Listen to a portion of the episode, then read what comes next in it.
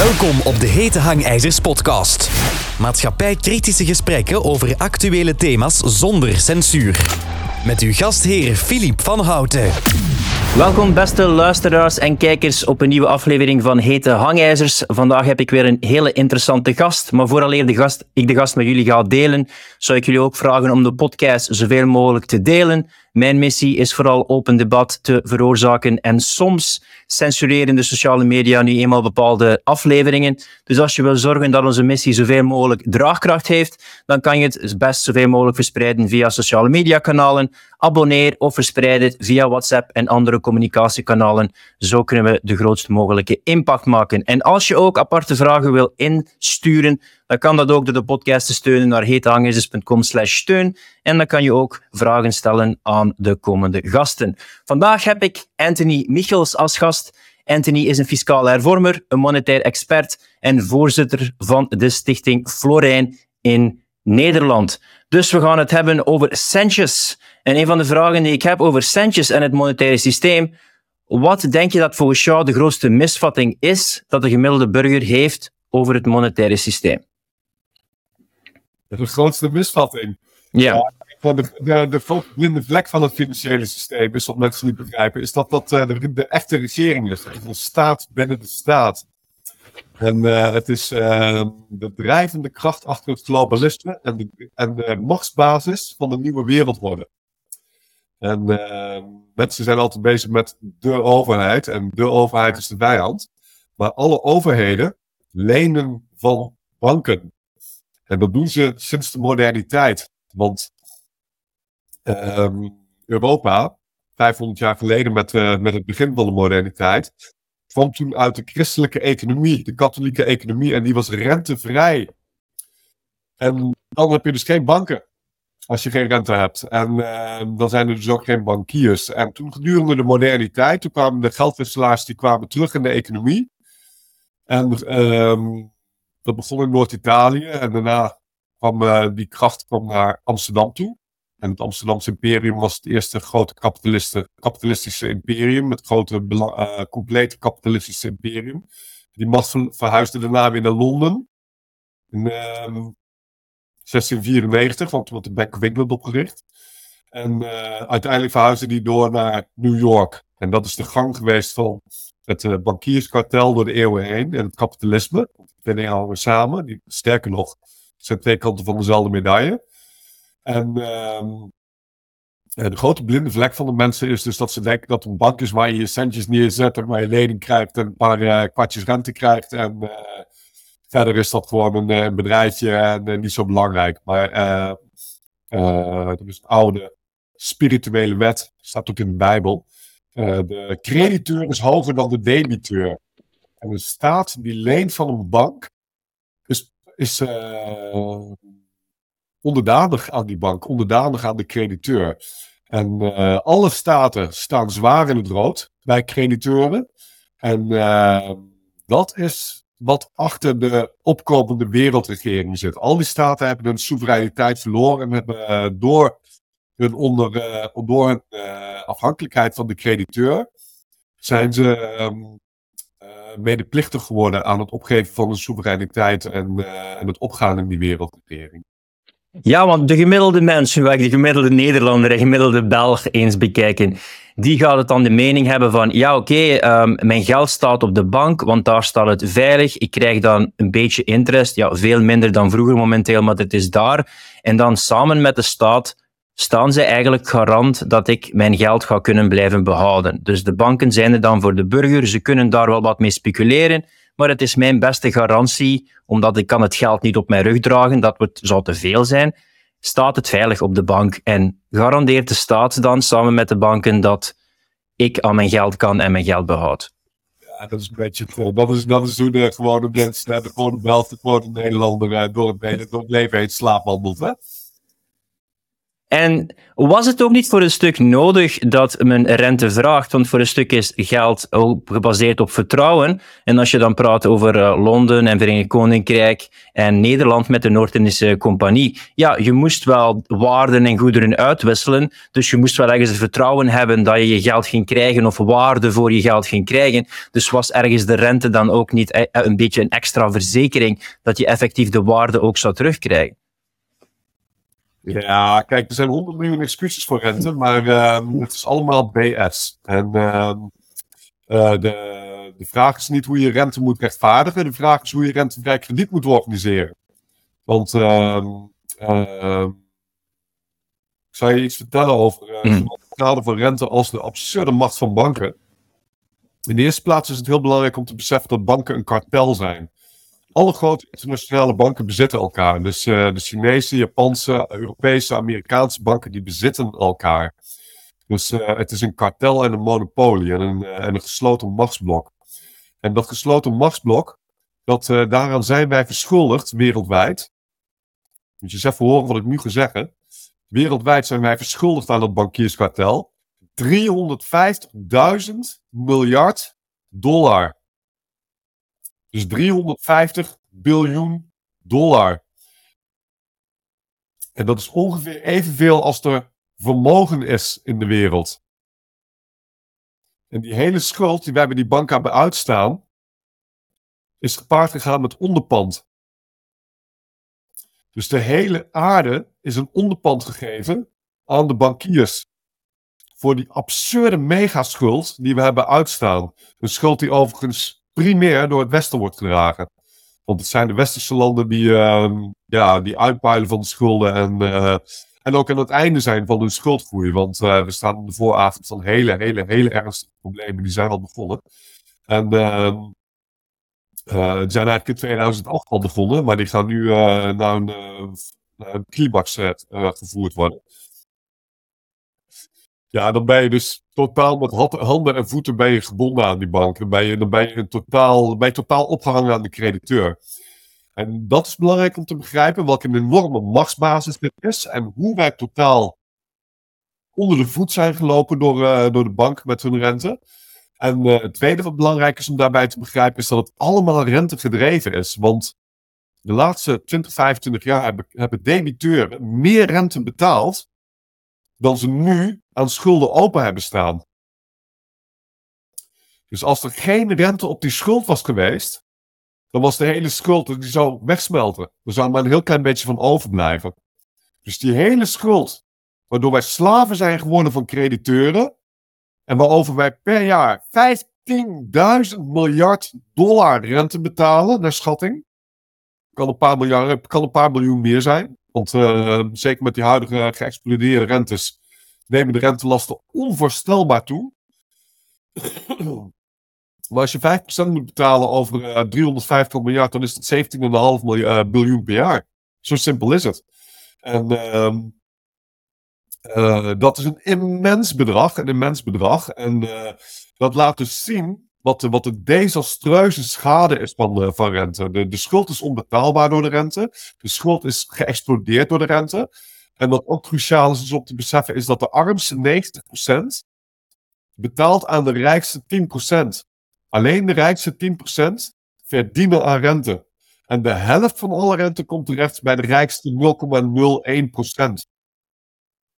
En dit is dus allemaal hele cruciale informatie, want dit laat zien wat de enorme vernietigende werking is van rente. Het leidt tot een enorme schuldenbubbel.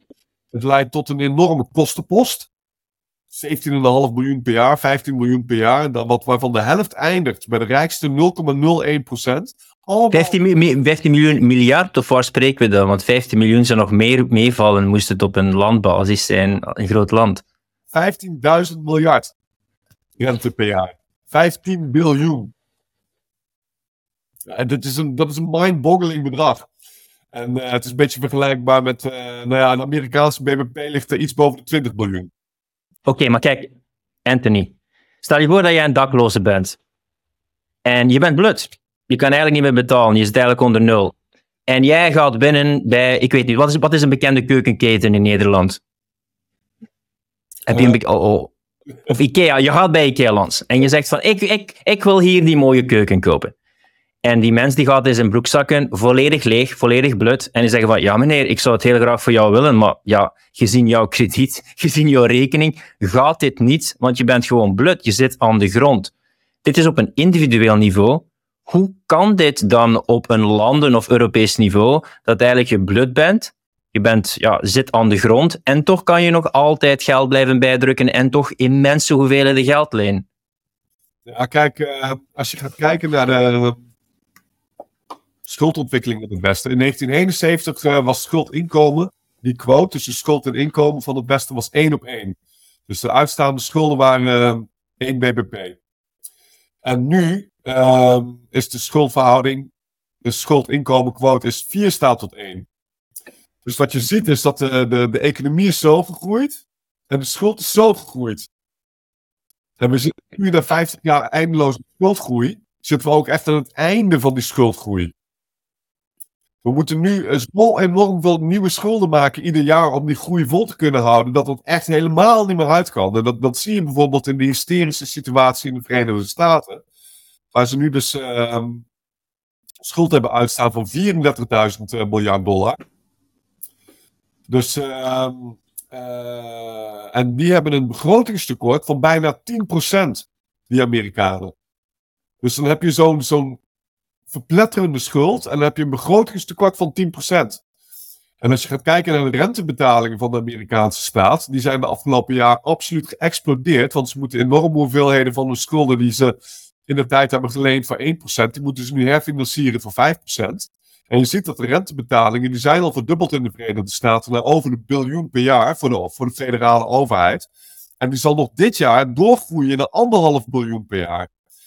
En uh, dan, dan zie je dus dat, dat het echt helemaal schoon op is. En uh, heel lang zijn is die schuldgroei doorgegaan. Maar we zitten tegen het punt aan dat er acute maatregelen moeten gaan worden genomen om de schuldgroei in het Westen te gaan stoppen.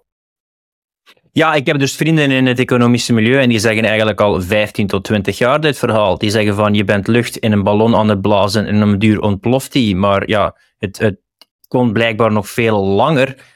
Hoe ben jij dan eigenlijk overtuigd dat nu we echt een kritiek punt bereiken? Want sommige mensen zeiden vijf tot tien jaar geleden al, de bubbel gaat gewoon barsten.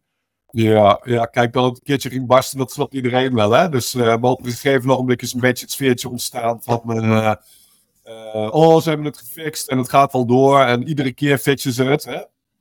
Maar ik zal je een beetje vertellen wat, wat, wat, wat de economische geschiedenis van de laatste 15 jaar, sinds 2008. Want tot anderhalf jaar geleden hebben wij 14 jaar, zeg maar tussen 2008 en 2022, hebben wij een rentestand gehad van tegen de 0% in Europa. En in Amerika in feite ook. In Amerika was het ietsje hoger, maar het zat tegen de 0% aan. 14 jaar lang, sinds 2008. En dat is nog nooit eerder vertoond.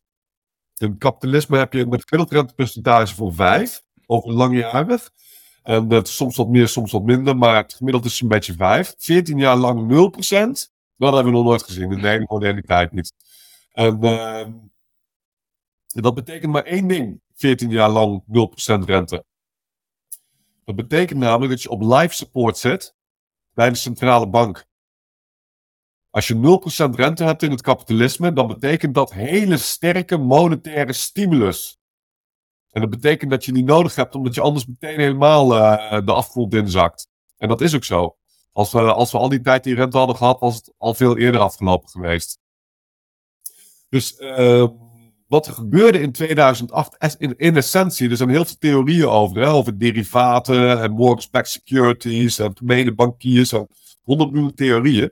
Maar wat er in werkelijkheid gaande was, is dat die schuldgroei hè, die, we, die we zien, die was op het niveau gekomen in 2008 dat schuld plus rente niet meer uitkomt. Je kon alleen nog maar de schuld door laten groeien zonder rente. En dat is wat ze 14 jaar lang gedaan hebben, waardoor de schuld de afgelopen 14 jaar nog enorm is doorgegroeid. Uh, maar uh, zonder rente. En nu zijn die renteverhogingen dus gekomen de laatste anderhalf jaar. Daar ga ik het zo over hebben. Maar wat er eerst is gebeurd, is uh, De meeste mensen die schrokken wakker toen de lockdown kwam. Hè? Dat, was, dat was een heel belangrijk moment waarop er een mensen zich begonnen te realiseren van hé, hey, er is meer aan de hand in de wereld dan, uh, ja, weet ik veel, wat we zaterdag gaan doen, zeg maar. En uh, uh, wat mensen niet realiseren, maar wat er doorgaand, waar ik doorgaand aandacht voor vraag, is uh, dat de lockdown begon zes maanden nadat er een enorme financiële ramp was gebeurd in de Verenigde Staten, waar je heel weinig over hoort, namelijk de repo-crisis. Ik, ik, ik, ik, was al heel lang aan het wachten toen, want ik ben loop al wat langer mee in deze business, zeg maar. En ik zat al heel lang te wachten tot het geld bijdrukken in de Verenigde Staten hervat zou worden. Nou, daar zat ik al jaren op te wachten. Daar zat ik sinds 2011, 2012 op te wachten. En ik wist van als dat gaat gebeuren, als dat geld bijdrukken in de Verenigde Staten weer begint, dan, dan breekt de hel los. Dan is het begin van het eindspel van de NWO. En in september 2019, uh, ik, ik, zat toen op, uh, op het bedrijf uh, wat ik toen runde, werd ik opeens gebeld door een vriendin van mij. En die zei van, wat, is er, wat gebeurt er in New York? Dus ik wat dan, weet je wel? En toen bleek dus dat de rente op de repo-markt was opeens gepiekt naar 10%. September 2019. Die worden voor bijna nul te staan. Piekte opeens naar 10%. En uh, wat, dat betekende, wat dat betekende, was dat de banken elkaar niet meer vertrouwden en elkaar niet meer wilden lenen. En misschien heb je nog wel, kan je nog wel herinneren uit 2008 dat dat toen ook speelde met de Libor-rente. Je had toen een hele hoge Libor-rente. En dat betekende dat de banken elkaar niet vertrouwden en dat ze elkaar niet wilden lenen. En als die banken elkaar niet wilden lenen, uh, dat, dan komt dat omdat hun onderpand kapot is. Dus ze hebben allerlei mortgage-backed securities die veel minder waard waren, treasuries die minder waard waren, et cetera, et cetera. En uh, banken, die, uh, een heel even kleine uitstapje, maar een bank moet aan het eind van de dag moet zijn boeken sluiten. Uh, soms komen ze wat tekort, soms hebben ze wat over. En als ze wat tekort komen, dan lenen ze wat bij elkaar om de dag door te komen, betalen ze de volgende ochtend elkaar terug.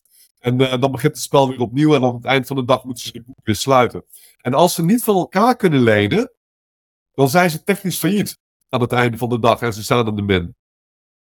En de enige die ze dan nog kan lenen is de centrale bank. En dat is toen gebeurd. En de Federal Reserve is toen op grote schaal gaan interveneren. En dit is allemaal buiten de media gehouden. Alleen specialistische media hield het in de gaten. Maar dit had, dit had totaal frontpagina nieuws moeten zijn. Maar dat was het absoluut niet. En uh, uh, dat ging een halfjaartje zo door. Maar die, maar die dagelijkse interventies van die Fed liepen totaal uit de hand. En in maart 2020 moest de Fed al uh, een biljoen per dag uitlenen aan de banken. om ze dagelijks in staat te stellen om de rekeningen te sluiten. Om de boeken te sluiten. Dus uh, een biljoen dollar, Philip. Dus die lui zaten. Er, was een, een, een, wildfire gaande in, uh, in allerlei derivaten. die dat gingen. En die banken gingen dus ook wat. En uh, toen besloot de regering Trump, want dit is allemaal onder Trump gebeurd. Dat is ook wel even goed om te begrijpen. Mensen denken allemaal, oh Biden inflatie. Nee, die inflatie die komt van de Trump-jaren. En in maart 2020 besloten de Fed de regering Trump dat er iets moest gebeuren. En toen uh, besloten ze dat de bank een mega bail-out ging krijgen van 4000 miljard dollar. Van 4 biljoen. Kregen de grootste banken op Wall Street toen. JP Morgan, Goldman Sachs, uh, Softbank in Japan en Nakamura. Dat zijn twee, twee grote spelers in de derivatenbusiness. Die kregen een bak geld. Deutsche Bank kreeg een bak geld. Iedereen was naar de kloten en kreeg gewoon enorme bedragen. En nogmaals, hier werd niet over geluld. En uh, in tegenstelling tot in 2008, toen stond het overal jarenlang over alle headlines gesplest. Pillhout, banken failliet, jada jada. In 2019, crickets. Maar in, in maart 2020 hadden ze dit besluit om die, uh, uh, die bill-out te geven.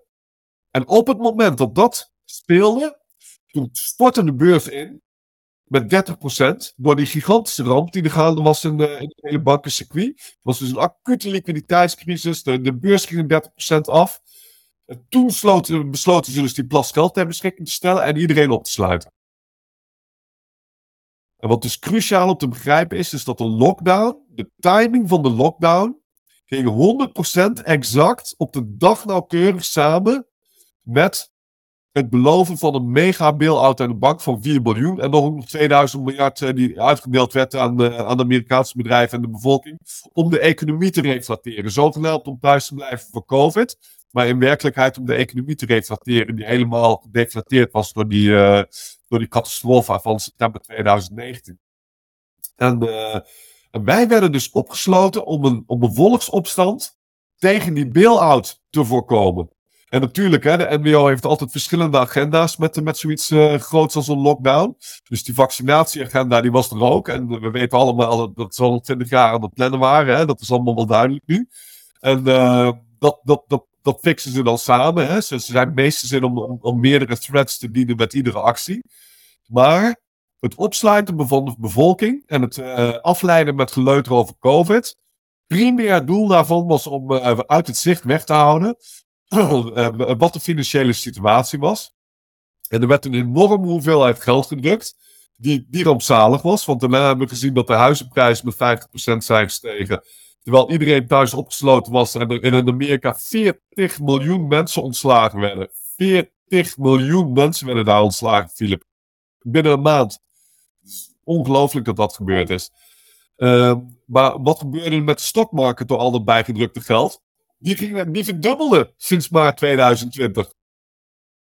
Tussen maart 2020 en uh, eind 21 verdubbelde de, verdubbelde de uh, Standard Poor bijna. En dat kwam dus al, was pure inflatie, puur geldbijdruk. En dat hebben we in de jaren daarna natuurlijk gezien. Hè? We hebben op een gegeven moment hoge inflatie gehad, huisprijzen veel te duur, aandelen veel te duur. En dat was dus allemaal pure inflatie. En daarna want, dit, uh, want dit, gaat allemaal door. We hebben eerst september 2019, dan maart 2020, dan die enorme inflatie. En daarna begon de Fed dus de rentes te verhogen. In, in 2000, ja, 2022 begon dat. Dus vorig jaar hebben ze die rentes in, een, in een recordtempo, in een nooit eerder vertoond tempo verhoogd. Om hun eigen inflatie te bestrijden. De inflatie die ze zelf gecreëerd hadden. Met als gevolg dat een wereld die totaal verrammenzakt is door een immense schuld, nu opeens uh, eh, 5% moet betalen. Wat, wat helemaal niet kan. dat kan helemaal niet. Die 350.000 miljard, uh, die, die rentebetalingen, die, die, die worden allemaal uit de reële economie getrokken. Ik, ik kan je de, de, statistieken laten zien, maar je ziet dan de rentebetalingen in de Verenigde Staten, zie je dit zo, weet je wel, gaat een klein beetje omhoog. En dan sinds vorig jaar gaat het zo. Het is gewoon door de biljoen heen geknald. Wat er nu, dus die 5% dat je dan hebt, is de 5% dat, uh, dat gevraagd wordt op het terugbetalen van dat geld?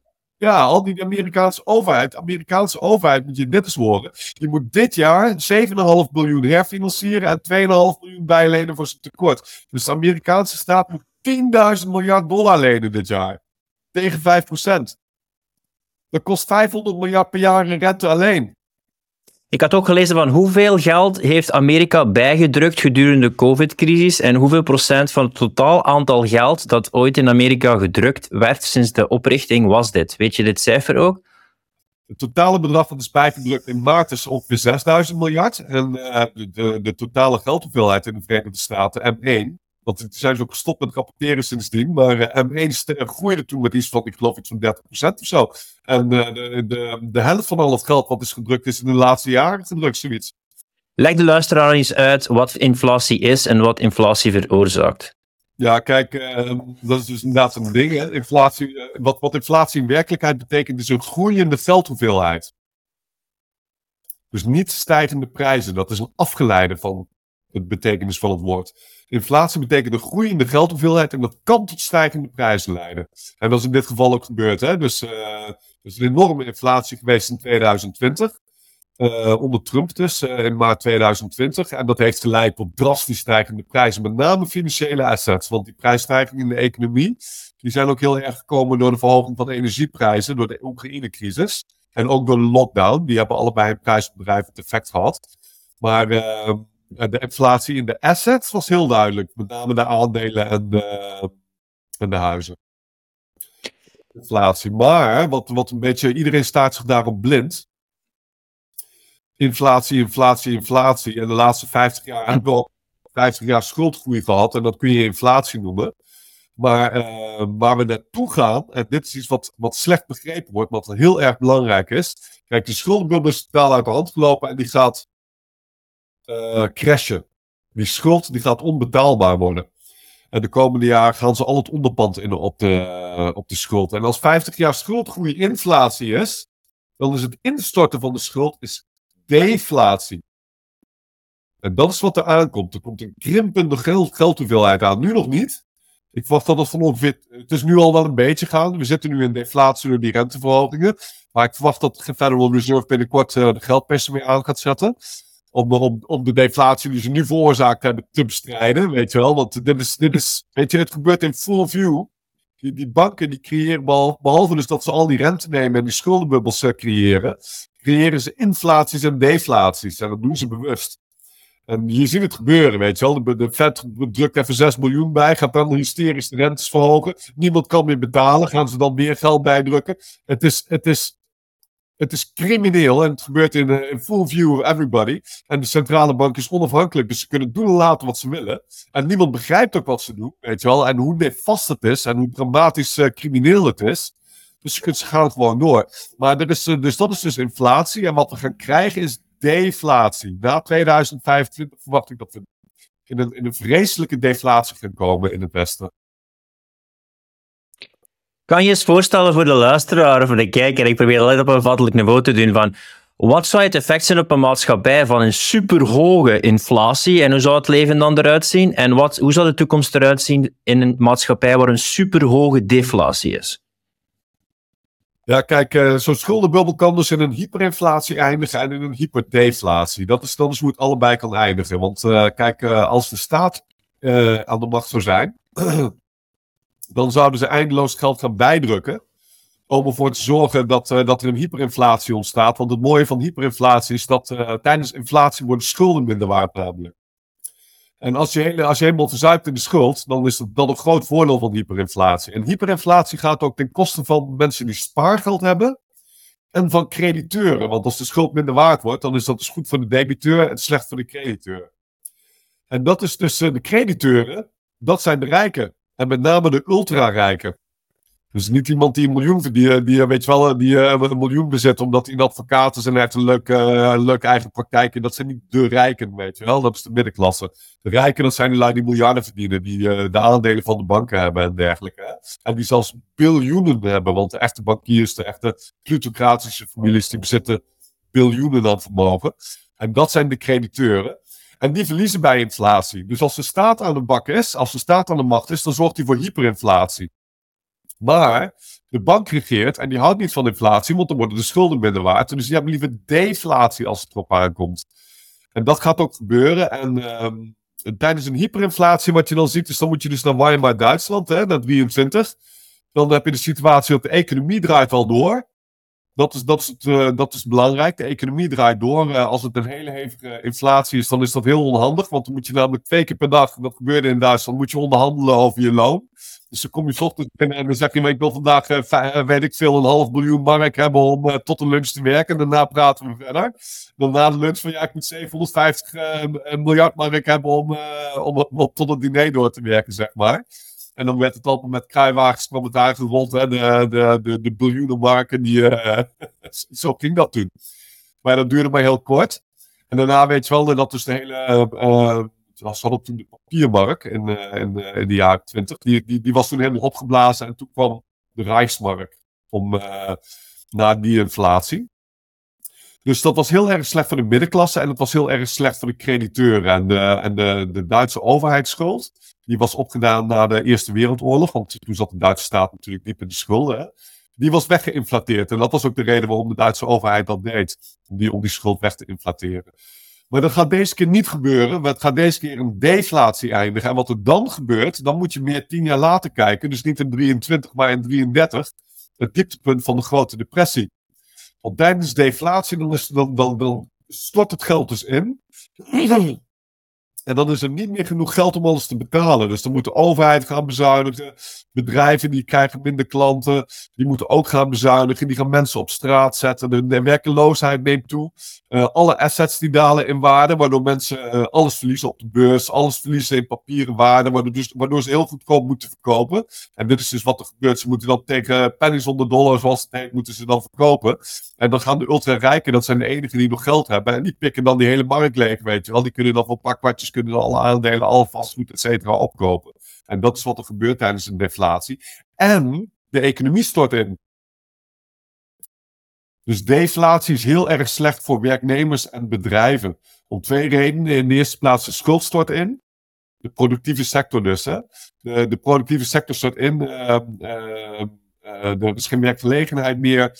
Uh, er, is geen, uh, er zijn geen bedrijfswinsten meer. En de schulden, de, de, de bedrijven en de werknemers, dat zijn degenen die in de schulden zitten. de productieve sector, de, de, de, werknemers en de bedrijven, die hebben grote kredieten uitstaan. En de staat natuurlijk, maar die twee sectoren ook. En die schulden worden meer waard. Nou, dat is een lekker verhaal. De economie tankt en je schuld wordt meer waard. En dat is de ramp van deflatie. En dat is wat er aan zit te komen voor het Westen. Zitten wij momenteel in een depressie of een recessie? Uh, we zitten nu aan de, na, na, na de renteverhogingen van, uh, van de Fed en de ECB over de laatste anderhalf jaar zitten we in recessie. Hè? Dus uh, Duitsland is duidelijk in recessie, Nederland ook. Nederland is nu al drie kwartalen in recessie. En ehm, het is een lichte recessie voor nu, omdat er nog een enorme hoeveelheid geld in de markt is. En als je dus inflatie hebt, dat, dat stimuleert de economie. En uh, we hebben in de laatste paar jaar gezien dat uh, ZZP'ers bijvoorbeeld, uh, er is overal personeelstekort. Hè? Dus dat, dat, komt, dat komt omdat de economie afweert, dus door die inflatie. En omdat de lonen niet snel genoeg bijgroeien. Maar ZZP'ers bijvoorbeeld hebben goed verdiend de laatste jaren. Als jij gewoon een ZZP'er als in de bouw of in de zorg of zo opereerde, dan, dan kon je leuke, leuke factuurtjes schrijven de laatste jaren. Dus we zitten nu nog in een milde recessie. Eentje die wel heel snel aan het verslechteren is. En uh, Amerika gaat binnenkort ook in recessie komen. Want Europa en China die zijn al zwaar in recessie. Maar uh, Amerika is net begonnen nu de recessie. Ik heb hier een vraag van een uh, kijker. klopt het wat professor Richard Wener heeft onderzocht, namelijk dat 97% van het totale geldvolume in omloop werd gebracht door handelsbanken die leningen verstrekken en slechts 3% door centrale banken? Ja, zeker, zeker. Ja, want mensen die, die denken altijd geld bijdrukken bij de centrale bank. Nee, geldcreatie vindt plaats op commerciële banken. Er wordt geld gecreëerd op het moment dat jij gaat lenen bij banken. Als jij 200.000 leent voor een hypotheek, of ja, volgens tegenwoordig 400.000 verlenen, maar uh, als jij dat geld leent, dan wordt dat gecreëerd op het moment dat je dat geld leent. En uh, de, de, commerciële banken drijven primair de geld- en schuldgroei. De centrale banken kunnen ook geld bijdrukken, maar die doen dat alleen maar in principe in de richtvallen van nood. Hè? Dus uh, en er is ook een verschil, uh, dus een beetje subtiel in de manier waarop ze beide geld creëren. Maar de, de veruit het meeste geld wordt gecreëerd door commerciële banken. Ah, oké, dus niet banken zoals de centrale banken, uh, de ECB of de BIS-bank. Nee.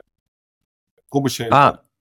Ah, oké, interessant. En hoe zit het dan als een bank bijna failliet zou gaan, is het zo dat ja, het onderpand is toch het geld van de burger, dus Deutsche Bank kan nooit failliet gaan, want het is dan zo erg voor de gemiddelde Duitse burger dat dan de staat garant moet staan via, via belastingen.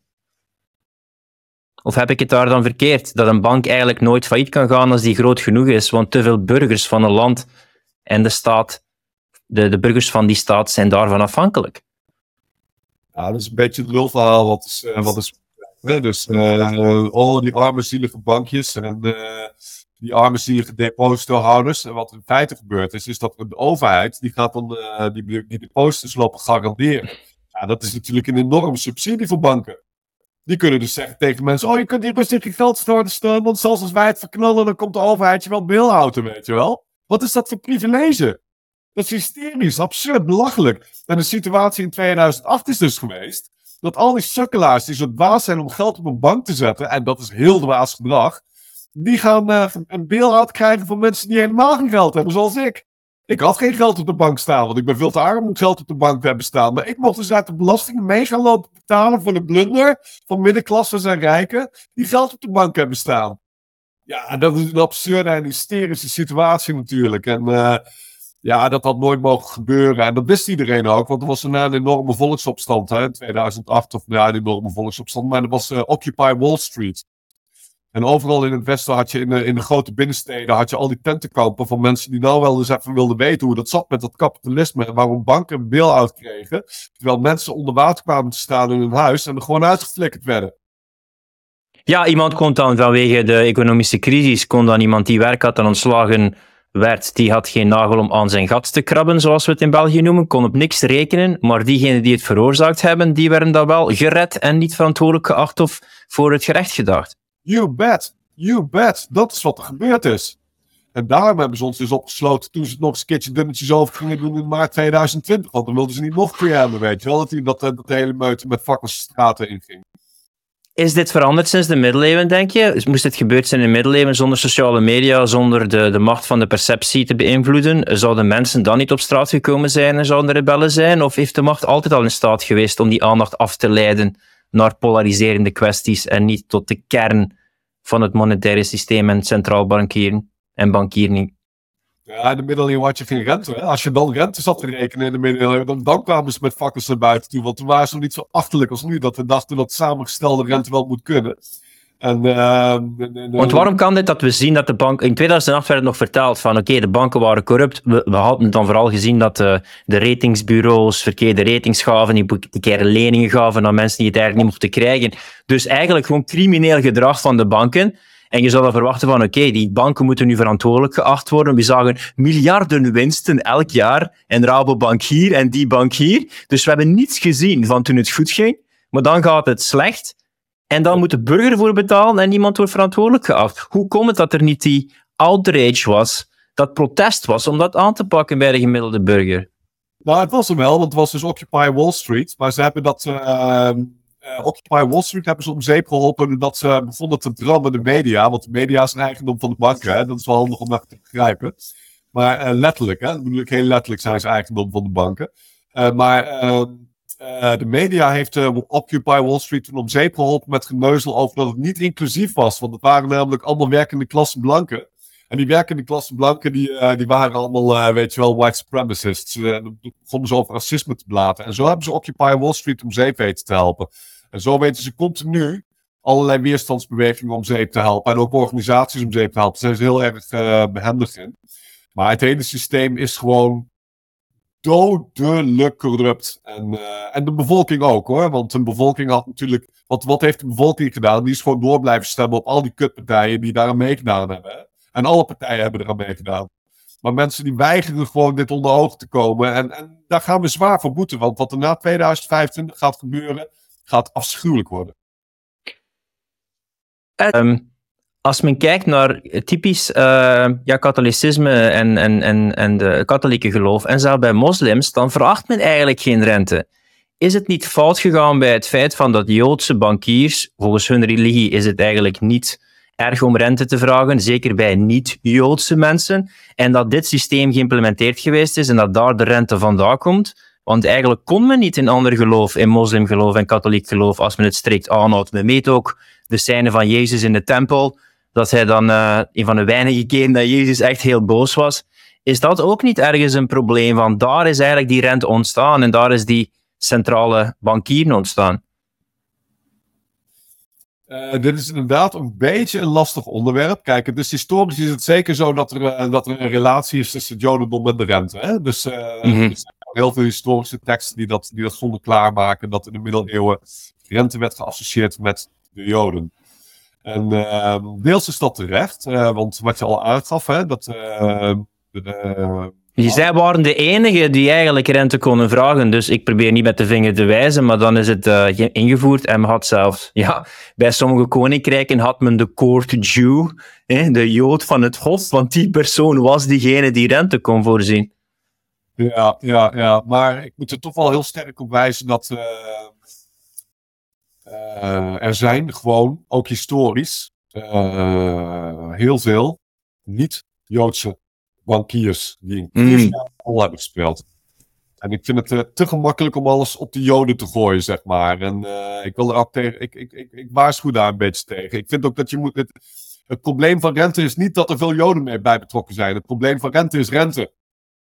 het probleem van rente is dat wij eraan meedoen. Je kunt die Ja, ik, we kunnen ik vind het dan... geven dat, dat wij geld op de bank zetten. En als je kijkt op Twitter, dan zie je wat is. Het enige wat je hoort aan klachten over banken is dat mensen, vin- mensen vinden dat ze te weinig rente krijgen van de bank. Dat is hun enige klacht. Dat ze helemaal totaal leeggetrokken worden in schulden en rente. Daar hoor je niemand over. Maar dat ze te weinig geld op hun spaarcentjes krijgt, daar hoor je ze wel over. En, en dat geeft iets aan. Daar kun, je, daar, daar kun je iedereen de schuld van geven. Maar ik geef alleen onszelf de schuld. Ja, en ik vind dat dan een goede kwalificatie, want er is heel veel soms polarisatie en dan eenzijdigheid als men dit bespreekt. Dus jij wil het eigenlijk breder trekken en eigenlijk zeggen dat op zich ehm, interest of rente diabolisch is. Of des duivels is, qua systeem. Ja, nee, absoluut. Kijk, om, om, je, een klein voorbeeldje te geven over hoe debiel het is. En daarna ga ik even nog iets verder in op de, spirituele, religieuze situatie.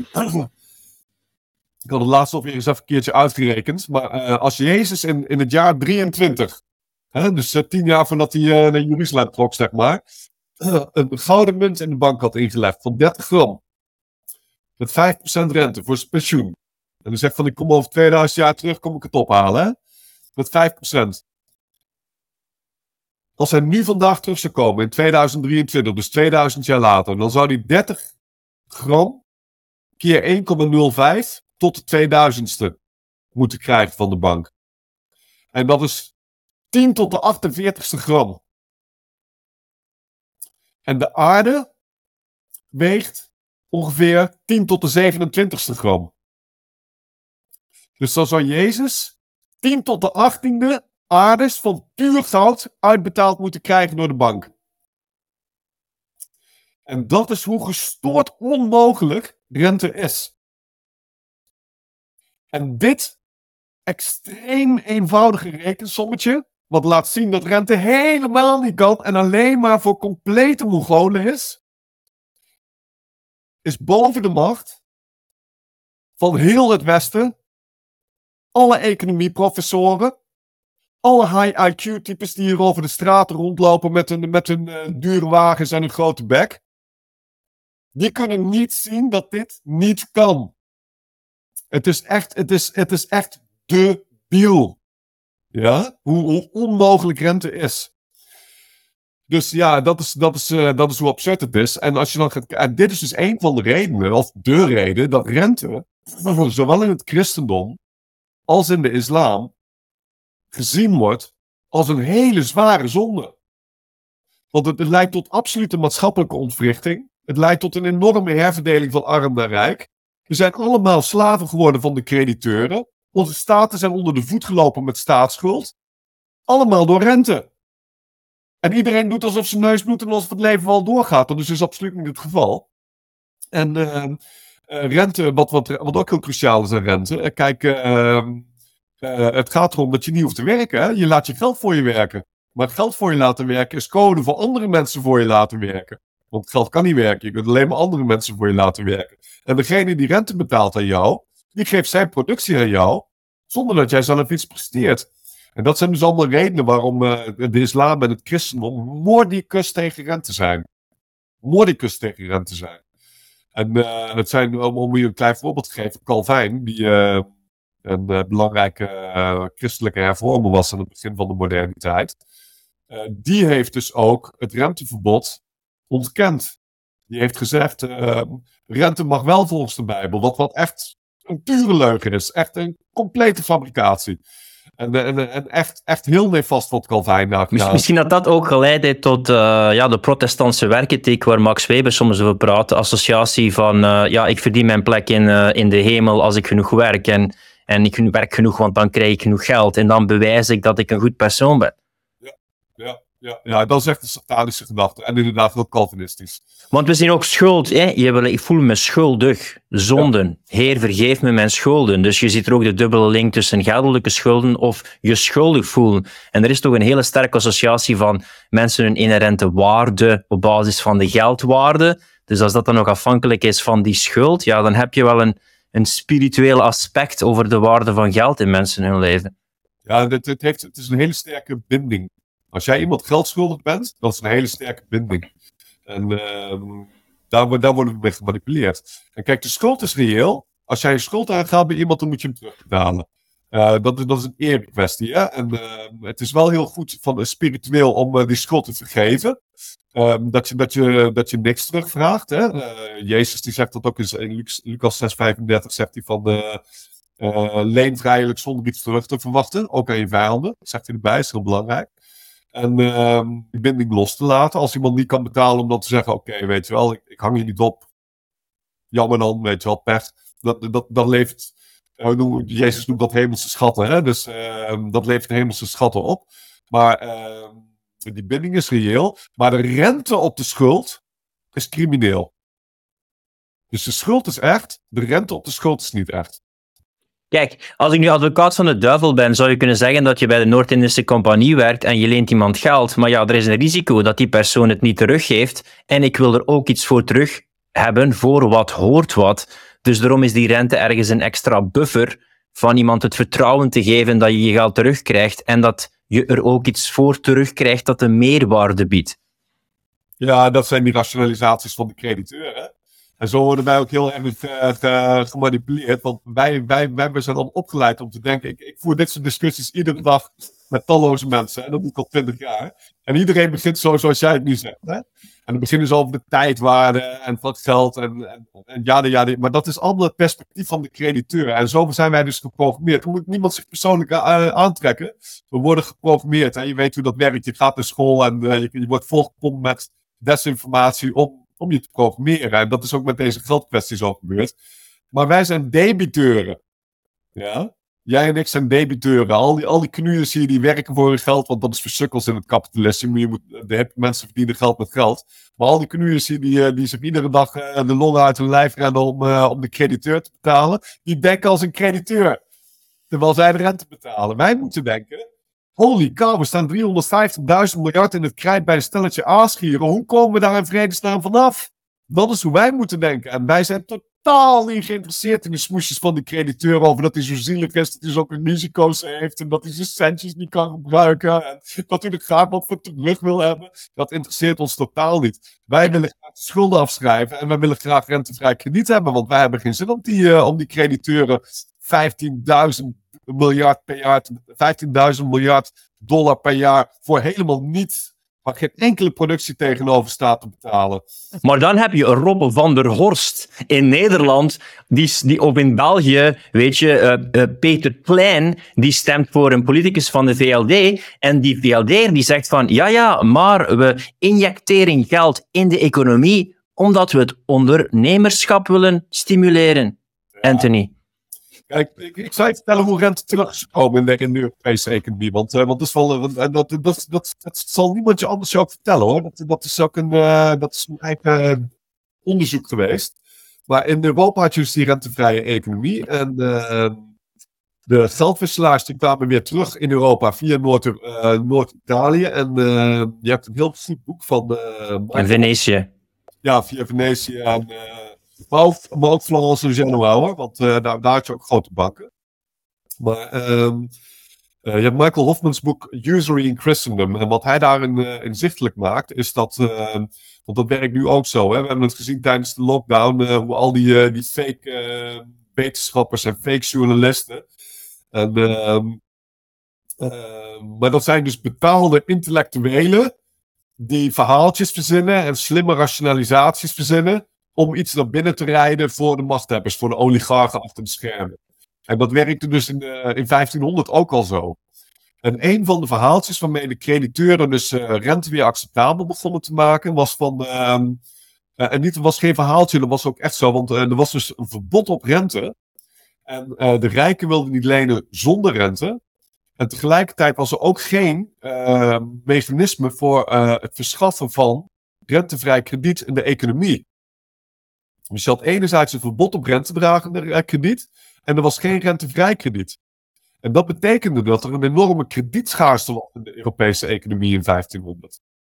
En uh, zo zijn de geldwisselaars weer, weer teruggekomen. Je hebt een tekst van uh, Francis Bacon, On Usury, over Woeker. En uh, daarin zegt hij van, uh, de, er moet lenen en er moet krediet zijn, maar de rijken willen niet lenen zonder rente. En daarom moet rente toegestaan worden. Dat was wat Francis Bacon in die, in die tekst zei. En dat, is, en dat is, laten we zeggen, hoe het weer terug is gekomen in de economie. En ehm, wat, we, wat we hieruit moeten leren, is dat een renteverbod is dus niet genoeg. Wat je moet doen, is een uh, mechanisme voor rentevrij krediet invoeren. Zodat er wel geïnvesteerd kan worden door de bedrijven. Want het, als, je, als we weer helemaal de economie resetten en we beginnen opnieuw, dan zijn het met name de bedrijven die in het begin uh, bedrijfskredieten moeten hebben. Daar begint de schuldenbubbel, zeg maar. Want bedrijven die willen investeren om, om, om te kunnen groeien in de toekomst. En, en dat moet gefinancierd kunnen worden met rentevrij krediet. En dat gaat gepaard met onder, onderpand. Want dan, komen dan gaan we weer even terug naar jouw oorspronkelijke opmerking over, over risico van krediet. In de, in de nasleep van het renteverbod, van het einde van het renteverbod in 1500, heb je een tijd lang een overgangsperiode gehad. Namelijk of rente of onderpand. En als jij onderpand hebt, dan is er geen risico. Want dan liquideer je het onderpand als er niet betaald wordt. Klaar, er is er helemaal niks ingewikkelds aan. Dus uh, ik dacht dat binnen islam uh, dit uh, vaak het geval was of is met een onderpand of iets fysiek dat garant staat.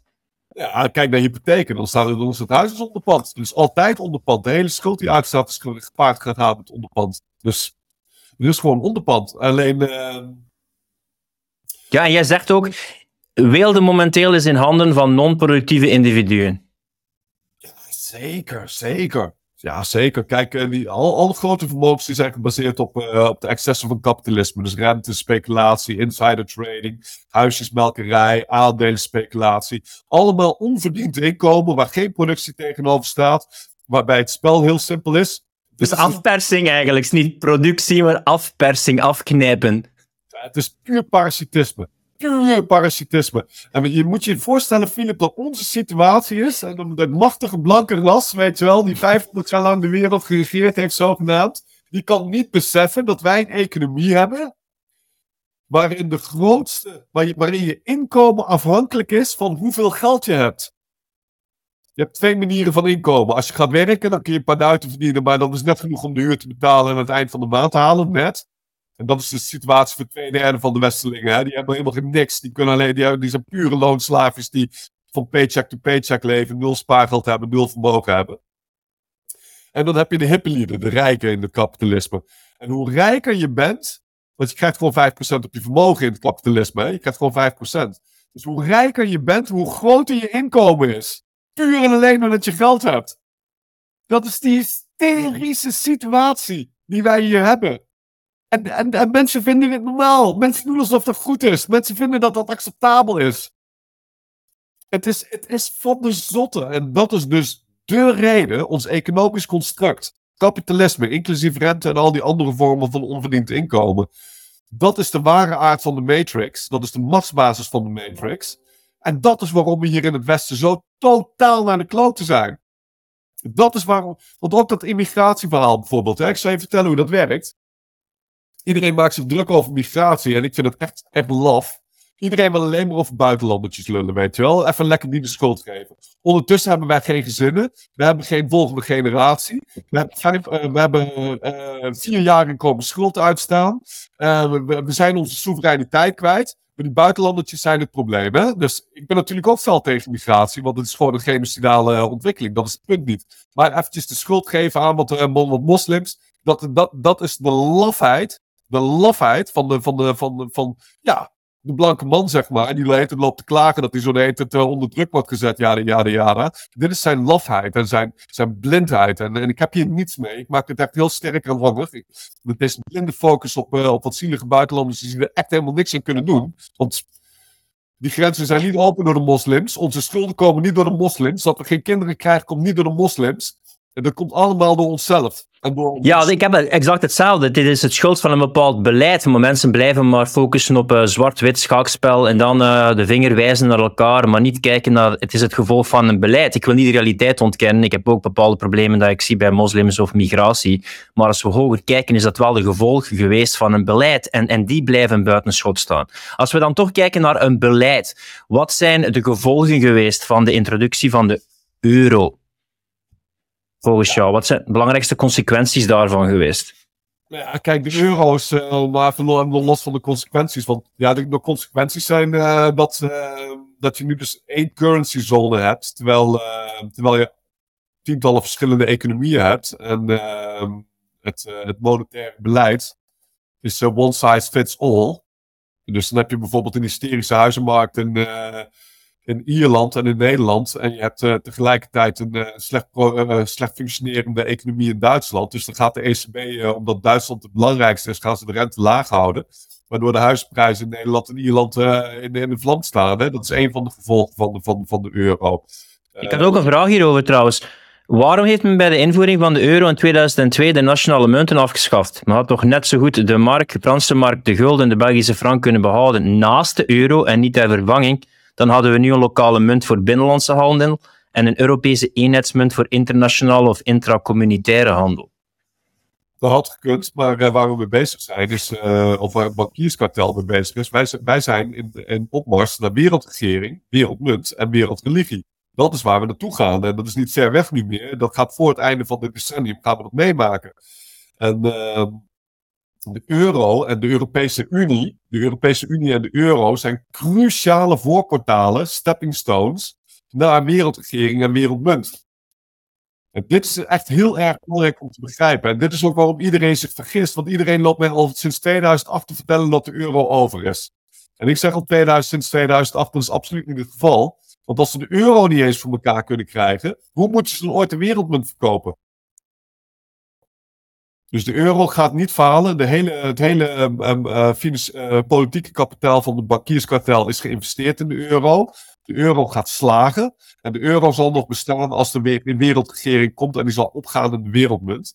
En dat is de ware agenda van de euro. Om, om een cruciale stepping stone te zetten naar wereldmunt. Als we praten over dat het systeem zal veranderen of kraken, ik ben ook een enorme ja, geïnteresseerd in de 15e, 16e eeuw en revoluties in het algemeen. Men merkt toch vaak een soort van dat de gemiddelde burger voelt dat hij geen inspraak meer heeft in zijn eigen leven, in zijn eigen uh, gemeenschap, familie, land laat staan grotere natie. We hebben dat toch gezien bij de Franse revolutie, hebben het ook gezien bij de Engelse, uh, Amerikaanse revolutie, van kijk, we kunnen in ons eigen land, Amerika, niets bepalen, die mensen in het Verenigd Koninkrijk beslissen dit. Franse revolutie met die uh, geestelijke machthebbenden en de koning hebben veel te veel macht en wij kunnen niets beslissen. Je voelt toch met de opkomst van het rechtse populisme, het antiglobalisme, dat er iets aan het groeien is in de wereld, dat die expansie drift naar het globalisme en steeds minder inspraakkracht in hun eigen leven, gemeenschap, land. Denk jij niet dat mensen terug meer lokaal willen gaan? Of denk je dat deze expansie onvermijdelijk is en nog meer globalisme? Ja, kijk, uh, wat we zien is dus een enorme concentratie van rijkdom met macht en vermogen in, uh, in, steeds minder handen uh, aan de top van de piramide. Dus want alles is een piramide. Iedereen continu denken in piramides, want dat is hoe macht georganiseerd is. Dus het, uh, het inkomen en het vermogen gaat omhoog in de piramide. en alle orders komen naar beneden toe en het, en het controleapparaat komt naar beneden toe. En uh, ja, nee, uh, zowel staten als de individuen worden steeds verder gemarginaliseerd. En onze directe invloed op onze leefomstandigheden worden steeds minder. En we zijn ook knechten op het werk, hè, want we zijn loonslaven. Dat is ook een functie van het kapitalisme. Vroeger werkten mannen voor zichzelf op het land of als vakman. Nu zijn ze allemaal loonslaven bij grote bedrijven of bij elkaar. En, of bij de staat, dat is natuurlijk ook een belangrijke werkgever. En uh, ja, nee, onze individuele controle over ons leven wordt iedere dag minder. En uh, ja, uh, we leven in een, uh, in een tijd van totalitaire usurpatie. En dat gaat er niet beter op worden de komende jaren, dat kan ik je verzekeren.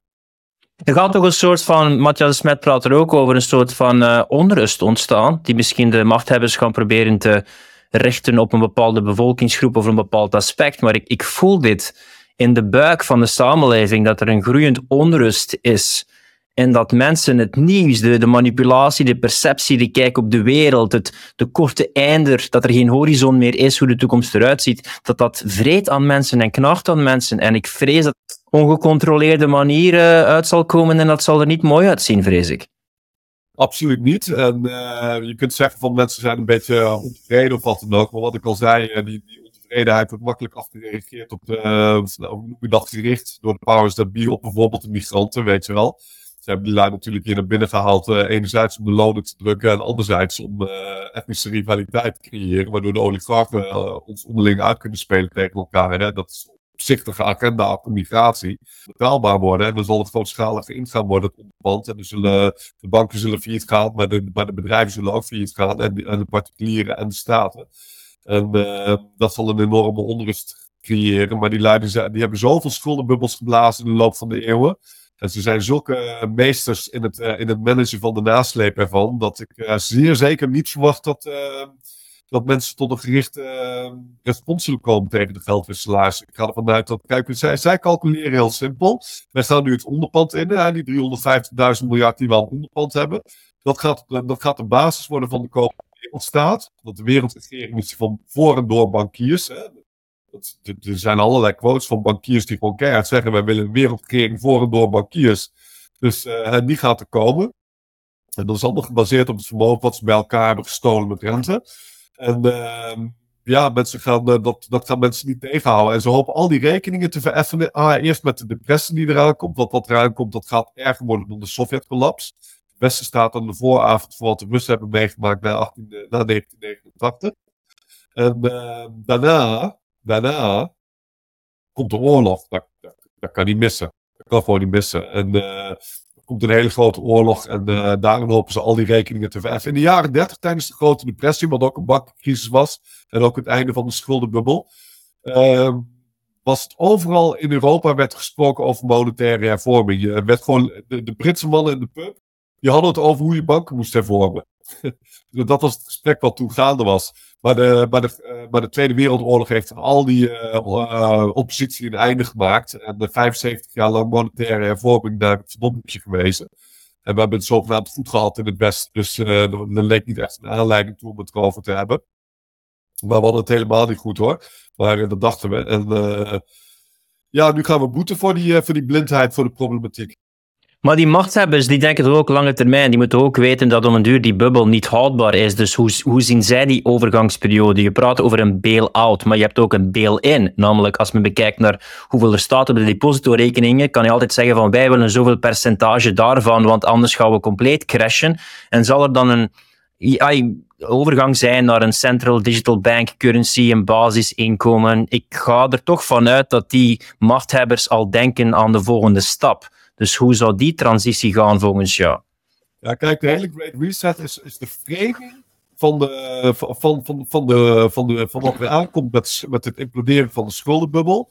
En de gevolgen die dat gaat hebben voor de bevolking. En de oplossingen die zij dan aanbieden voor de problemen die ze hebben gecreëerd. Dus you'll own nothing en you'll eat bugs. En je zult ook nog gelukkig zijn. Dat, dat, dat laatste moet je even vergeten, denk ik. Maar dat eerste, die eerste klopt wel. You'll own nothing en you'll eat bugs. Dat gaat gebeuren.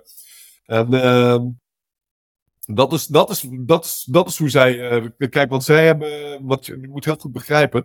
In de oudheid kwam je. Om twee redenen kwam je in slavernij. Ofwel, je werd veroverd door Rome of, of welk imperium dan ook. En je werd gewoon afgevoerd in slavernij. Hè? Dat, dat was een manier. Of je kon je schulden niet betalen, Philip. Zo kwam je in slavernij. Als jij je schulden niet kon betalen, dan kwam je in slavernij en je vrouw en je kinderen ook.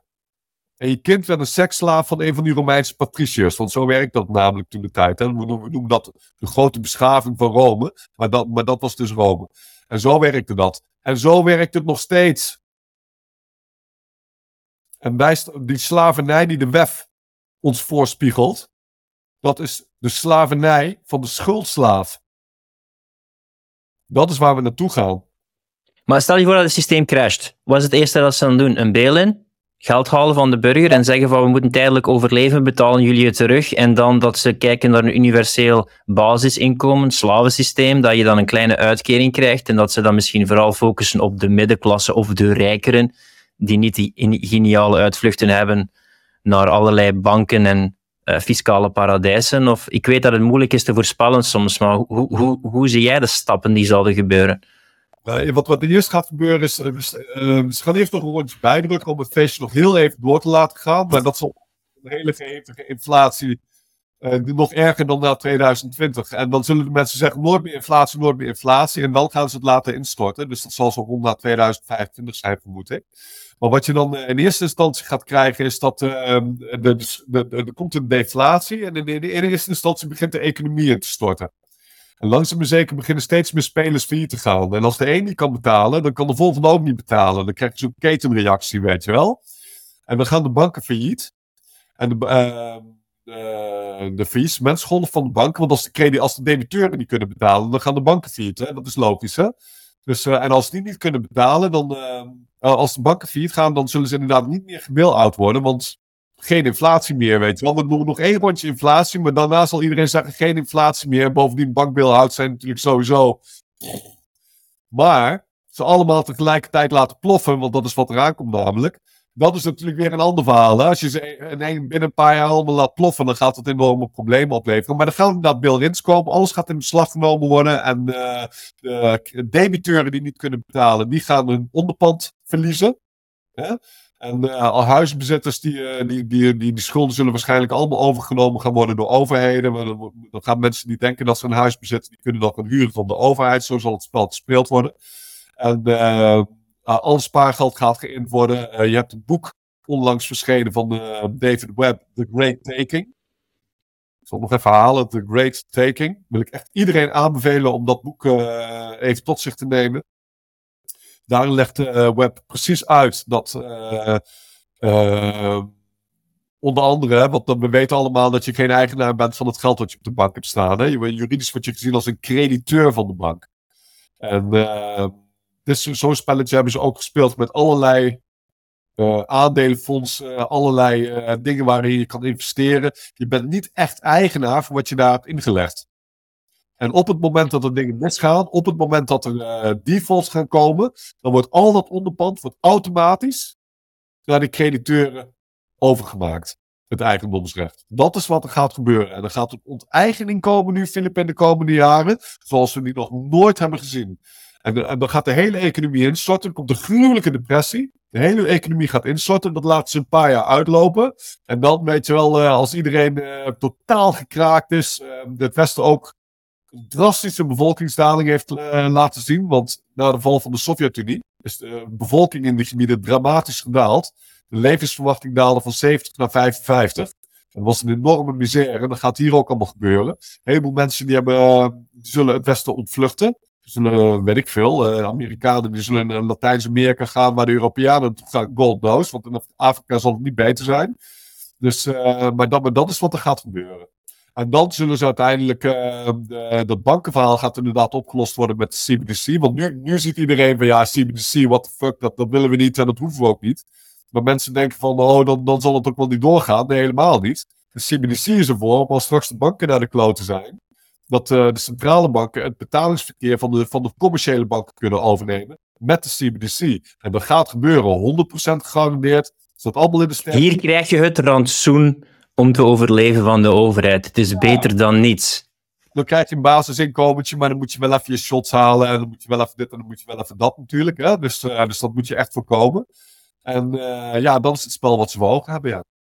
Als we dan kijken naar de drie andere middelen, hoe kijk jij dan eigenlijk naar vastgoed en uh, edele metalen en cryptocurrencies? Die drie andere manieren van een monetair, behalve dan een ruilsysteem?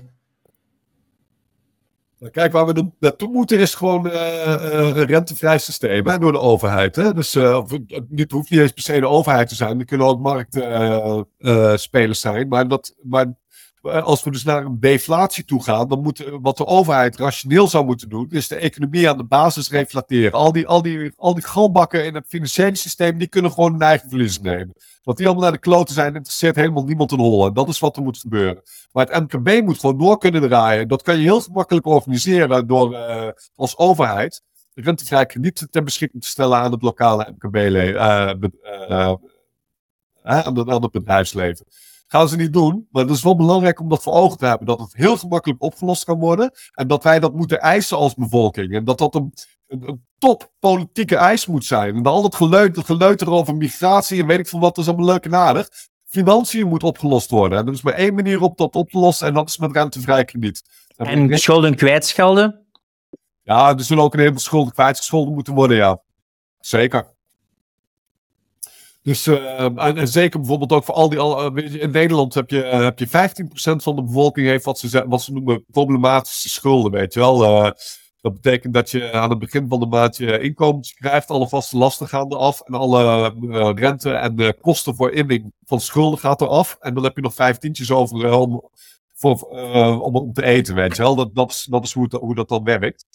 En uh, ah, die, mensen moeten gewoon allemaal losgelaten worden. Al die schulden moeten gewoon afgeschreven worden. Wat kan ons weekkamp schelen? Wat kan ons die bank schelen? Flikker op, echt afschrijven. En ik heb ook, ik heb vaak dan discussies met mensen die libertarisch zijn en dan denken van laat de vrije markt regeren. En ja, ik, ik heb bepaalde politieke strekkingen in allerlei soorten richtingen. Maar probeer me eens uit te leggen waarom dat eh, Jeff Bezos, ja, je moet eens bekijken hoeveel dat hij per seconde verdient. Ja, uh, als ik dan een argument met heb van ja, maar hij creëert werkgelegenheid. Oké, maar die ongebreidelde hoeveelheid geld die bij één persoon zit, dat is zo waanzinnig. Dat vind ik bijna op geen enkele manier te rechtvaardigen. Kijk, uh, nog laten zeggen met productie was verdiend. Maar kijk, het is allemaal gebaseerd op marktmacht en aandelen en weet ik veel wat allemaal. En, Jeff Bezos is natuurlijk royalty, ja, die heeft die had Amazon nooit kunnen doen als ze niet uh, highly connected was. Hetzelfde geldt voor Elon Musk en uh, met al zijn penten.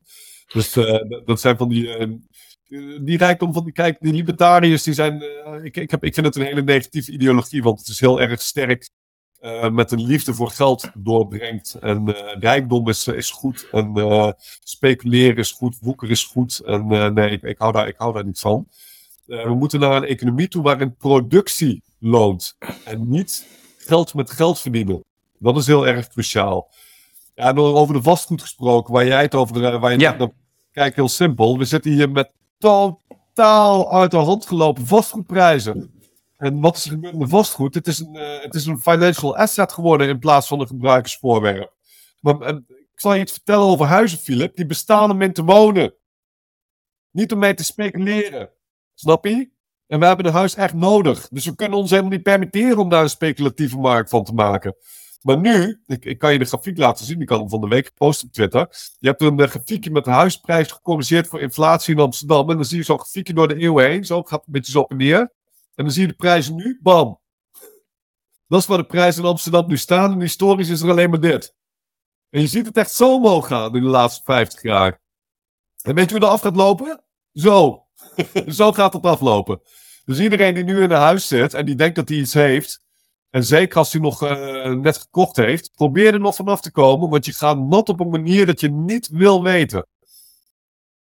Ja, ik was vroeger meer, ik, ik wil niet denken volgens links en rechts, misschien dat jij ja, qua hart of qua opvoeding iets meer links was vroeger, maar we praten hier over essentiële basisbehoeften, gelijkheid van mensen, menselijke waardigheid en genoeg kunnen leven in plaats van overleven. En ik heb het gevoel, als we nu kijken naar links, dat is zo gekaapt door die klimaatkwestie en de identiteitskwestie. Het zou moeten gaan over de alledaagse belangrijke dingen voor de bevolking om een betekenisvol bestaan te hebben. En ik voel zelf bij links dat ik toch voel van deze thema's die we aankaarten, zouden eigenlijk heel neig op het spel moeten staan en in de aandacht moeten staan bij links, maar dat is compleet het geval niet meer.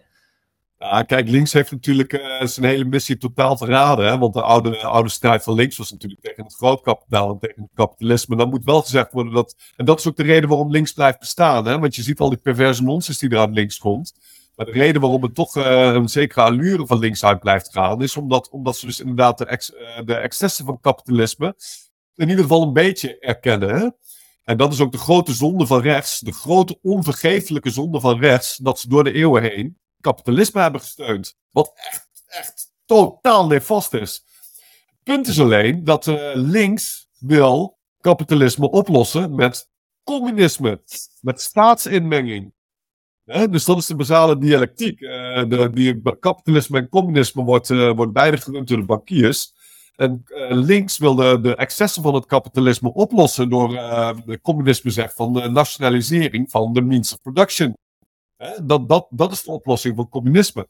De werkelijke oplossing, rentevrije economie, die voorziet in een markteconomie. Uh, uh, en die voorziet erin dat al het vermogen terechtkomt bij degene die produceren. Dus de werkers en de ondernemingen en de ondernemers in de economie, dat zijn de productieve sectoren in de economie. De, de, de, de, de mensen die bijdragen, dat is de 90%, de 95%. Dat is, dat is de grote massa. En uh, we willen markteconomie en we willen dat degenen die werken en produceren hun eigen productie kunnen genieten. De situatie nu is dat een man in het Westen, die, uh, uh, aan het eind van de rit, als je alles doorrekent, maar 10% van zijn eigen productie geniet. Al de rest wordt afge, afgeroomd met kapitaalkosten primair en in tweede instantie belastingen. Maar als jij dus 100 produceert, dan, dan, dan consumeer je 10. Dat is de, situatie, dat is de, ex, de, extreme situatie die we hier hebben. En wat wij willen hebben door een rentevrije economie, is dat de man weer een, uh, langzaam maar zeker zijn eigen productie kan genieten. En wat, wat, waar leidt dat toe? Eind 1500, of, uh, in 1500, voor de opkomst van het kapitalisme, en dan moet je dit eens even op je in laten zinken, want wij zijn dus helemaal geprogrammeerd met dat geluid dat het kapitalisme ons rijk heeft gemaakt. Hè? We hebben het goed door het kapitalisme. Iedereen zal je dit vertellen. De realiteit is dat in 1500 kon een man in Groot-Brittannië, een dagloner, die kon met 15 weken per jaar werken, kon hij zijn gezin voeden. En hij had 200 vrije dagen per jaar, Philip. Om lekker met zijn familie te zitten, om naar zijn vrienden toe te gaan, om te reizen, om vrijwilligerswerk te doen, te bouwen aan de kathedralen, om zich uh, te bekwamen in bepaalde uh, zaken, opleidingen te doen, al die zaken meer. Dat is waar we, hoe we leefden in de middeleeuwen. En, en gedurende de moderniteit zijn we helemaal weggezonken in, in extreme werkdagen, omdat we gewoon heel arm zijn geworden door het kapitalisme. En belastingen, welke rol spelen die in een rentevrij systeem? Nou ja, in, uh, in 1500 had je dus, laten we zeggen, het feudalisme. Hè? Dus ehm, uh, als man was geen optimaal systeem, uh, juridisch zeker niet. Maar je, je raakte wat kwijt aan belastingen en je raakte wat kwijt aan pacht. En dat was samen ongeveer 20% van je productie. En nu zijn wij dus 90% van onze productie kwijt. En dat is het grote verschil. En waar we nu mee te maken hebben met belastingen, want iedereen vindt belastingen communistisch en ja, ja, ja. Maar waarom hebben wij zo'n enorme staat? Om de fallout van het kapitalisme te managen. Ga maar kijken naar een staatsbegroting, dan zie je dat een heel groot deel van, het, uh, van, de, van, de, van de problemen van, uh, van, van, de, van de uitgaven van de staat zijn uitkeringen. Voor mensen die geslacht zijn door het kapitalisme. Die na 50 jaar, die na 30 jaar werken kapot zijn en dus in de WHO zitten. Die, uh, weet je wel, in de bijstand zitten helemaal gemarginaliseerd. Uh, al, al die zaken. Meer AOW, weet je wel. Kijk, als, als mensen, laten we zeggen, na 50 jaar werken, nog niet eens hun eigen pensioen kunnen financieren, moeten ze een staatspensioen hebben. Hè? Dat is de AOW. En, en wat er gebeurt in het kapitalisme is dat de winsten zijn privaat en de problemen en de fallout, die, is, die wordt gesocialiseerd. En daarom is de staat zo groot. En daarom betalen we zoveel belasting om de fallout van het kapitalisme en de privéwinsten van de, van de ultra-rijken uh, te managen. Ja, dat is ook met de energierekeningen. We moeten, we moeten meer betalen, want de prijs is gestegen van olie of van transport. Maar de omgekeerde beweging gebeurt niet vaak. Van het is heel goedkoop momenteel, dus je moet minder betalen. Misschien als laatste stuk van hoe kijk jij naar resource-based economies en de, de BRICS dat misschien ooit zullen denken van we gaan terug naar een grondmiddel- en grondstoffen gebaseerde economie. Zie jij daar een link met rentevrij uh, bankieren en, en dat, er, uh, dat er iets concreet qua grondstoffen dan onderpand is ervoor? Of hoe kijk jij naar een grondstoffen gebaseerde economie? Ja, kijk, even, uh, dat, komt, er wordt ook hevig gevoed vanuit libertarisme. Daar heb je daar het commodity money. Hè? Dat het gedekt moet zijn door bijvoorbeeld goud of de olie of wat dan ook. Hè? Maar uh, dat is compleet onzin. Dat hoeft helemaal niet. De waarde van geld wordt niet bepaald door de onderliggende grondstoffen. De waarde van geld wordt bepaald door het volume van geld versus de hoeveelheid economische transacties. Dat is wat de waarde van geld bepaalt, niet wat de onderliggende uh, iets is. Dus je hebt geen goud nodig, je hebt geen grondstoffen nodig. Uh, je moet gewoon afspreken, we gaan dit als geld gebruiken. En dat moet je op een fatsoenlijke manier managen. Hè? Dus niet laten managen door compleet dieven, aasgieren, uh, totale, absolute gekken. Want dat is wat we nu namelijk hebben. Je wil niet weten hoe ongelooflijk crimineel die lui aan de top van het financiële systeem zijn. Er zijn ook helemaal geen vergissingen. Uh, alles is gemanaged, alles is gepland. Ze, ze weten precies wat ze doen. En uh, kijk, als je daardoor de dat soort aanschieren je financiële systeem laat managen, ja, dan wordt het een zoortje. Ja, dat is een feit. En uh, als je niet eens herkent dat het een zoortje is, omdat het rentedragend is, uh, dat is dus het lot van de westerse mensen. Iedereen vindt rente fantastisch. Dus uh, ja, dan, dan word je dus recht bij klaarlichte dag word je gewoon keihard bestolen.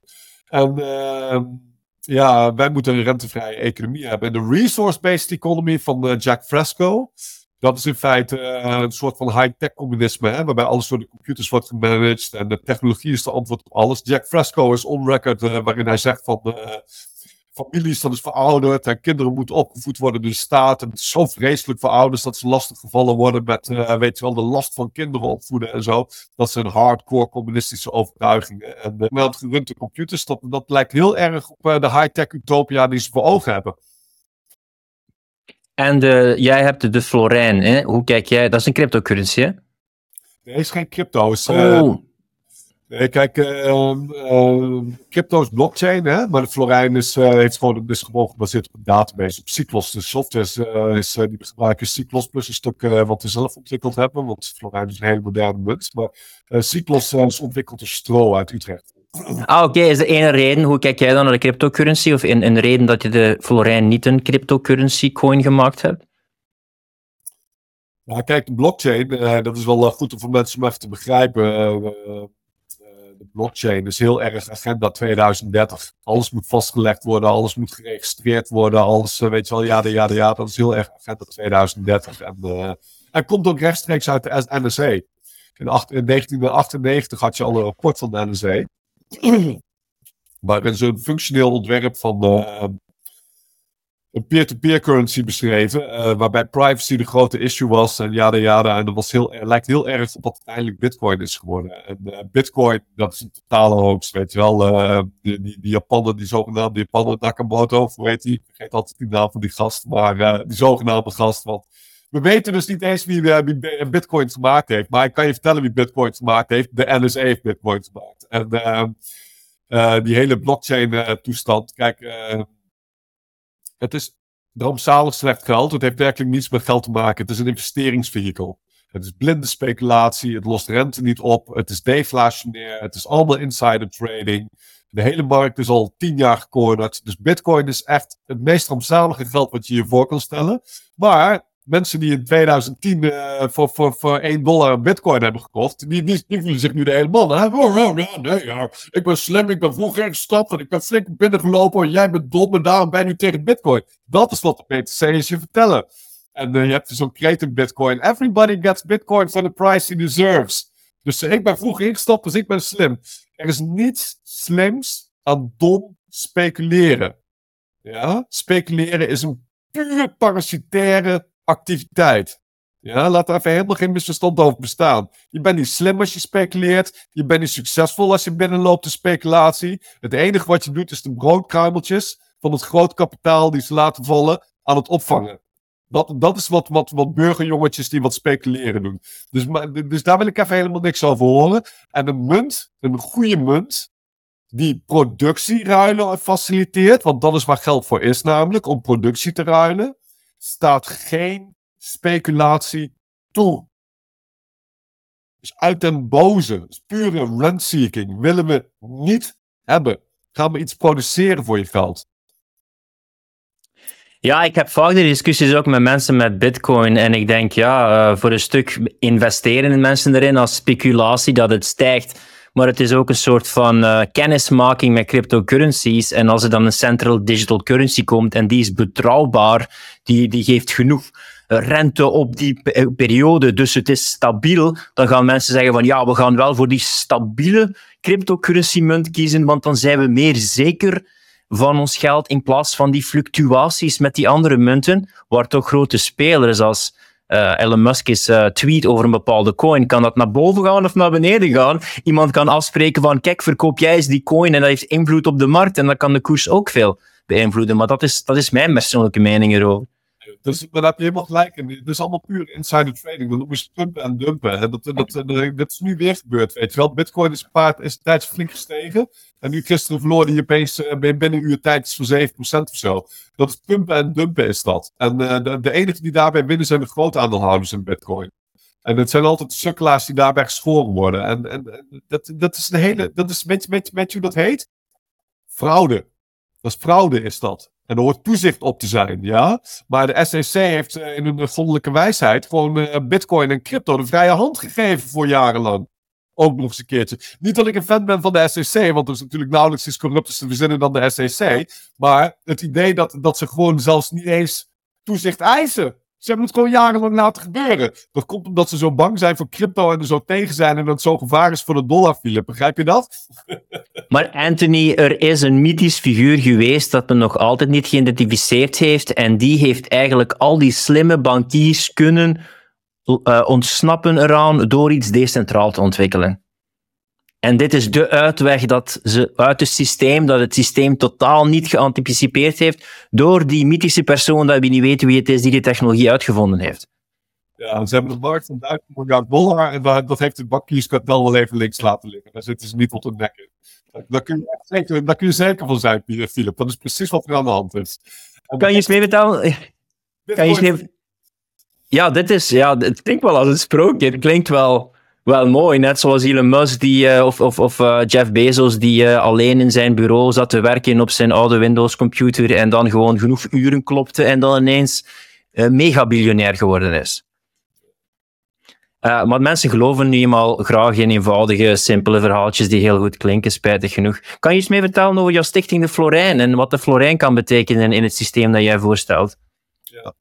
Kijk, de Florijn is dus rente- en speculatievrij geld. En uh, voorziet in rentevrij krediet. En is uh, past heel in een, in een traditie van regionale munten, lokale munten. Um, en is ook een hele belangrijke verbetering op, op die lokale currencies. Omdat, die we, omdat onze munt is de eerste die echt heel erg compleet is. We zijn rentevrij. We bieden rentevrij krediet. We hebben euro en wisselbaarheid. we hebben verschillende betalingssystemen. Dus contant geld overmaken. Je kunt betalen via de smartphone binnenkort komt er ook een webshop-integratie. die, die, is, is eigenlijk deels al, maar uh, die wordt dan helemaal uh, voltooid. Dus je kunt op allerlei mogelijke manieren met de Florijn betalen. En met Florijn, uh, Florijn is voor de productieve mensen en voor de mensen die verliezen in het kapitalisme. Als jij een pak geld hebt, ga lekker speculeren met bitcoin of goud, zou ik zeggen. Maar als jij ehm, gewoon een normale Nederlander bent en je bent primair van van de normale vormen van inkomen afhankelijk, dus, dus arbeid, dan, dan, dan, of ondernemen, dan, dan heb jij heel veel belang bij uh, beter geld, goedkoop geld, beschikbaar geld. En de Florijn is dus, biedt jou geen winst in de zin van speculatieve winst, die biedt je geen rendementen, maar wat het je wel biedt is goedkoop krediet en uh, als naarmate we meer met Florijn onderling gaan betalen, dat we steeds minder afhankelijk worden van de kapitalistische circus. En dus ook steeds minder van onze levensenergie eraan weglekken. En uh, uh, met name tijdens eh, jaren dat bankgeld faalt, tijdens depressies, dan zie je dat dit soort munten vaak opkomen. Bijvoorbeeld in Griekenland, waar ze dus helemaal terug in de steden tijd zijn gebombardeerd door, door hun schulden. Daar heb je eh, allerlei van dit soort lokale initiatieven. Niet zo goed als de Florijn, want we zijn echt wereldleidend conceptueel. En wij hopen in de komende jaren voor, voor normale mensen, die, die gewoon niks hebben, te kunnen helpen om de depressie voor te komen. Ik vind het wel een heel interessant concept, want heel veel van die dingen dat ik over mensen over praat is van, ja kijk, welke impact kan je doen als je perceptie afgetapt wordt via de mainstream media en zoveel procent wordt betaald door de staat en zoveel jobs zijn door de staat. Je gaat eigenlijk je eigen gemeenschap, je eigen economie moeten creëren. En als je op deze manier met de juiste mensen kan samenwerken, verbinden en je eigen economie of systeem creëren, dan kan je wel productief zijn en ook voelen van, ik draag bij in mijn gemeenschap, in het leven van iemand anders. En als iemand mij krediet zou geven en kan een mooie toekomst creëren, ja, ik zou dan wel die mensen eens een goede knuffel geven of dat we samen eens leuke dingen doen, omdat we iets mooi hebben kunnen creëren samen. Ja, ja zeker. En uh, dat, dat kunnen we kijken. Uh, ons huidige geldsysteem is georganiseerd door de top. Top-down georganiseerd. En het is alleen maar gunstig voor de top 10%. Hè? De, de top 10% wint het kapitalisme, de rest verliest eraan. En het is alleen maar echt gunstig voor de top 0,01%. En degene die produceren, die moeten samenwerken. Want kijk, wat ik je zei, en de crediteur die denkt dus van hoe krijg ik rendement op mijn geld? En ik heb zulke risico's, ja, ja, ja. Maar wij zijn de debiteuren, dus wij moeten denken, hoe komen we van die rentebetalingen af? En hoe zorgen we ervoor dat het krediet terechtkomt? En want waar gaat nu een heleboel krediet naartoe? Naar allerlei waanzinnige nonsens. Of het nu klimaat is, of speculatieve doeleinden, ja, ja, ja. Dat willen we allemaal niet hebben, weet je wel. Wij willen gewoon krediet voor normale bedrijven, voor normale activiteiten. Uh, om, om gewoon een leven te kunnen leiden en om onze dingen te kunnen doen. Dat is waar we krediet voor willen hebben. En uh, wij gaan de komende jaren hopelijk mensen helpen, dat is ons uitdrukkelijke doel, om bijvoorbeeld rentedragende schulden te herfinancieren. En, en, en, en, we zijn al begonnen met dit jaar een heel mooi krediet gedaan van een halve ton voor een bedrijf om een verbouwing te doen waarmee ze een, bepaalde bedrijfsactiviteit konden gaan doen in in een pand. En uh, ja, dat, dat was onze eerste grote krediet. En dat, daar zijn we heel blij mee. En, en zij ook. Uh, zij, hebben de verbouwing kunnen doen. En uh, ja, dat was natuurlijk fantastisch. Die lui hebben ook geprobeerd om dat via de bank te regelen. En dat zou een paar jaar looptijd hebben, dat contract. En dat zou 22.000 euro rente hebben gekost. En ze hebben het oh. van ons rijkrediet gekregen. Wel, we hebben een beetje een apocalyptisch scenario wat eraan komt. Er is weinig op korte termijn goed nieuws. Wat zou je als laatste tips geven of laatste focus dat de mensen uh, mee moeten bezig zijn of op focussen op die volgens jou onvermijdelijke crash en uh, deflatie en moeilijke tijden die eraan komen? Ja, het zijn een aantal zaken. In de eerste plaats, iedereen moet, en dat mensen realiseren zich dat ondertussen wel de meeste, maar tenminste die, die luisteren naar jouw show, van je moet, geen, je moet niet grote plukken contanten op de bank hebben staan. Dat, de banken zijn gewoon heel instabiel. En er komen, er komen gewoon mail in en dan ben je geld kwijt. En zeker alles wat boven de 100.000 is, hè, van het depositogarantiestelsel. Maar zelfs die hele garantiestelsel, dat, moet je met een grote korrels uitnemen, zeg maar. Daar moet je niet op vertrouwen. Dus uh, wat, het beste wat je kan doen als je spaargeld hebt, is dat geld van de bank halen en het, en het in iets van zilver steken. Ik heb liever zilver dan goud. Omdat ik namelijk uh, in de jaren in 33 heeft Roosevelt heeft Amerikaans goud geconfiskeerd. Hè? En dus er is wel degelijk een risico dat het deze keer weer gaat gebeuren. Dus uh, je kunt wat steken in zilver. Je kunt voor mij part zelfs wat speculeren met bitcoin als je daar per se... Uh, maar ga niet fundamentalistisch lopen geloven dat bitcoin het allemaal over gaat nemen en dat je alles wel in bitcoin kan steken. Want dan ben je wel heel erg naïef. En je moet niet alles geloven wat je op het internet leest. Dus ga niet je hele geld in bitcoin zetten, want voor hetzelfde geld gaat bitcoin er gewoon aan. En daar blijf ik gewoon van uitgaan hoor.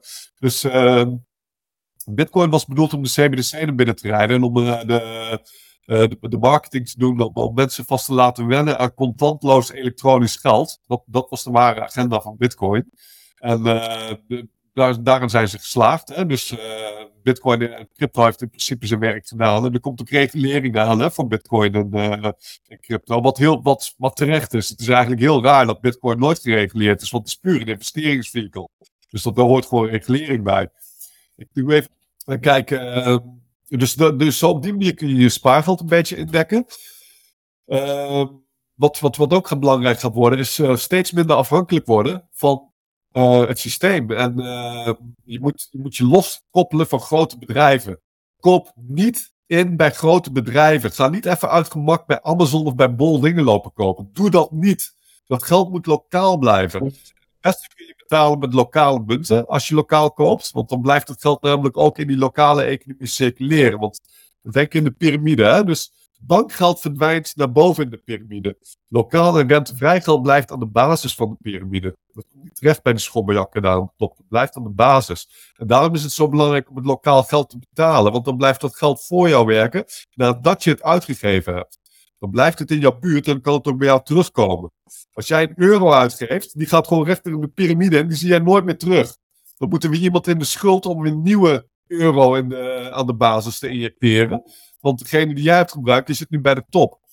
En daarom moet je met lokaal geld uh, betalen. En uh, je, moet, je, moet, je moet, moet, elkaar ook helpen. Hè? Want uh, de Florijn is een heel goed project. We hebben nu 5300 deelnemers en 830 bedrijven. Dus dat is echt wel heel wat. Maar er moet veel meer worden.